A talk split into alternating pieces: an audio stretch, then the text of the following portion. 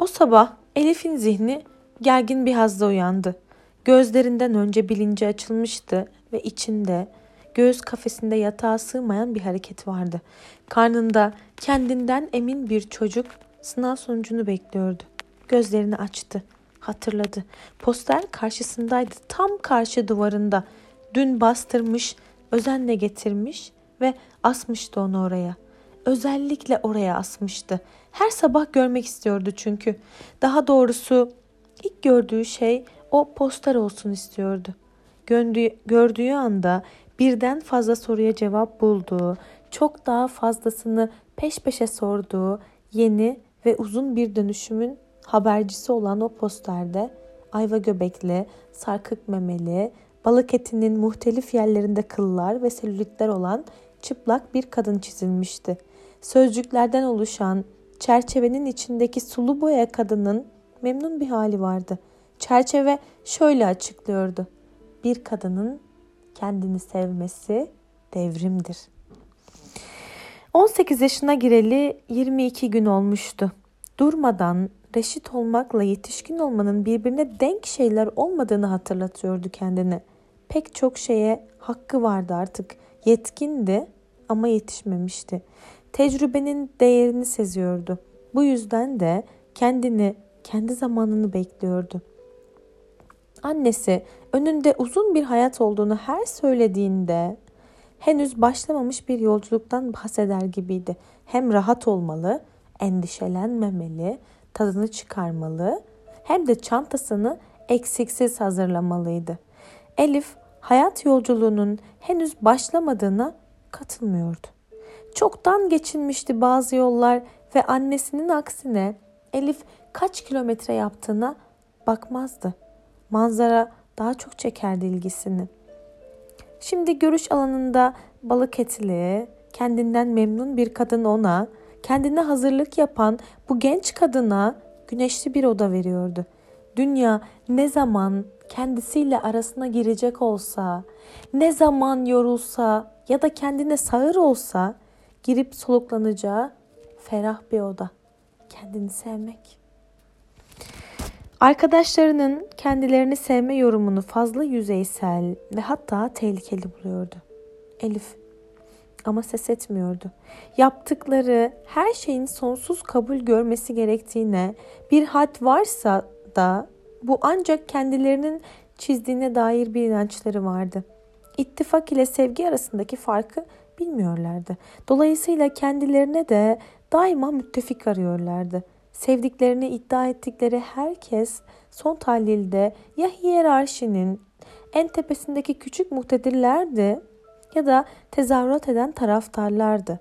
Bir müzisyenin sahneye sırf yalın ayak çıktığı için samimi, ellerinde bir kadının metroda sırf bağdaş kurarak kitap okuduğu için aykırı olduğunu düşünüyorlardı. Ve Elif böyle dar alanlara, böyle saygın kavramların sığdırılmasından hiç hoşlanmıyordu. Yine de bir şeydi bu. Çünkü reddetmek de kendini hazırlamanın bir biçimiydi. Kişi yüklerinden kurtulup fazladan yer açıyor. Reddedilen her neyse mutlak bir karşılık doğuruyor. Karşıtlık ilerleme getiriyordu. Gündelik hayatın içinde göze batan, farklı olan, alışılmışın dışında tek bir davranış yoktu. En fazla içe kapanık derlerdi onun için. İçiyle haşır neşirdi evet. Gündelik olana sadece belirli bir alan bırakır, gündelikten kalan zamanda içini ölçerdi hep. Bir farkındalıktan bahsetmek mümkünse de en çok sezgiyle yol alırdı. Kendine bir proje gibi bakmadı hiç. Kendini hazırlamaktan anladığı bu olmadı. Terzi olsaydı eğer kendinden kırk yama yapardı. Tezat, çelişik, karışık ama bütün. Duvardaki kadın biraz da bunu fısıldıyordu ona. Onlar kusur değil, çeşni. Acele bir kahvaltıdan sonra dışarı çıktı. Günlerden pazardı. Sahile indi. Banklardan birine oturdu. Ufka eklenmeye çalıştı. Aidiyetlerin başındaydı ve hepsini yeniden gözden geçirmek, bir koleksiyoncunun biriktirdiği parçaları gün aşırı düzenleyişi gibi zevk veriyordu ona. Bazılarının tozunu alıyor, ona sahip olmanın tadını çıkarıyor. Bazılarını ise çürümeye bırakıyordu. Zaman bilirdi ne yapacağını. Bir kadının kendini sevmesi devrimdir diye mırıldandı birkaç kez. Gittikçe yavaşlayarak en küçük lokmasına kadar çiğneyerek sözcükleri. O sırada önünden biri kadın, diğeri erkek iki kişi geçti. Kırklarında yoktular. Kadın bu bir tarif meselesi. Kendini nereden tarif ettiğinle ilgili. Sen kendini oradan Elif sözcükleri tek başına anlıyordu. Ama bütün olarak bir şey ifade etmiyorlardı onun için. Kendini tarif etmek, kendini bir yerden tarif etmek üzerine düşünmeye başladı. Basitliği seviyordu. Evlerini otobüs durağından tarif eder gibi kendini bir yerden, sabit bir yerlerden tarif etmeye çalıştı. Hırslara arkanı dön, isteklerine doğru dümdüz yürü. Ettik solunda kalacak. Sağdaki edebiyat sokağına gir. Deniz manzaralı ilk ev. Muhabbet sokağı numara 90. Kıkırdadı. Kimlikleri üzerine düşünmenin bir biçimini daha keşfetmekten memnun kalmıştı. En yakın arkadaşıyla, tek arkadaşıyla paylaşmak istedi bunu. İyi arkadaştılar. Kendilerine has dilleri vardı. Ayrıca ikisi de her şeyi hemen bir oyuna çevirme yeteneğine sahipti ki bu bir arkadaşlığı ücretsiz Luna Park'a çevirebilirdi. Mesela biri sırtından bir şey anlatır, diğeri bir anda bir kitap adıyla çevirirdi. Etrafındakilerin anlamayan bakışları altında bir sürü şey konuşurlardı.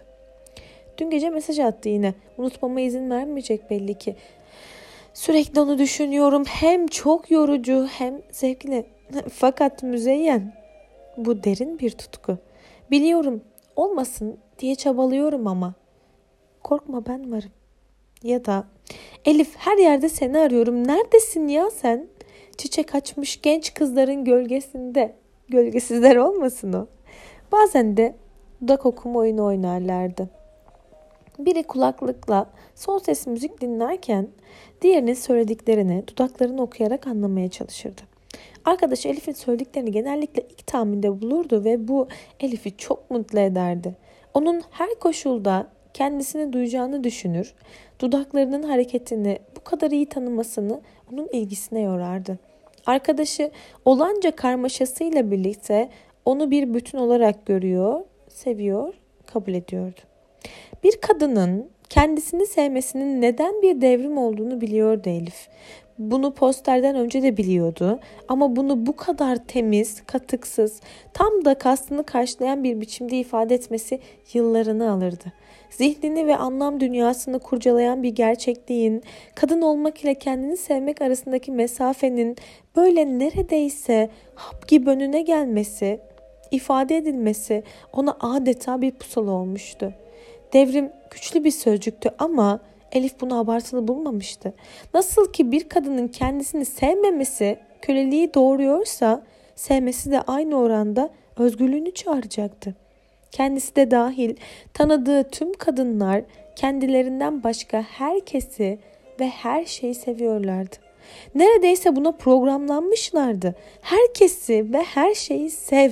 Herkesi ve her şeyi hayatta tutmaya çalış ama kendini yok sayma. Ya adanmış ya da kusurlu bir hayat sür. Kendi bedenini sevmiyordu. Sevene de pek rastlamamıştı. Güzel olduğu konusunda başkalarının hem fikir olduğu kadınlar bile kendilerini ya beğenmiyor ya da her daim güzel görünme sorumluluğu taşıyordu.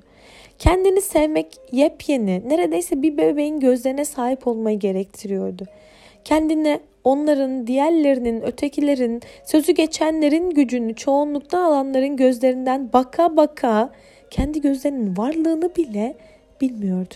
Elif ne kopuk bir uçurtma, ne köksüz bir sarmaşık, ne de ezberi kuvvetli bir tarihçiydi.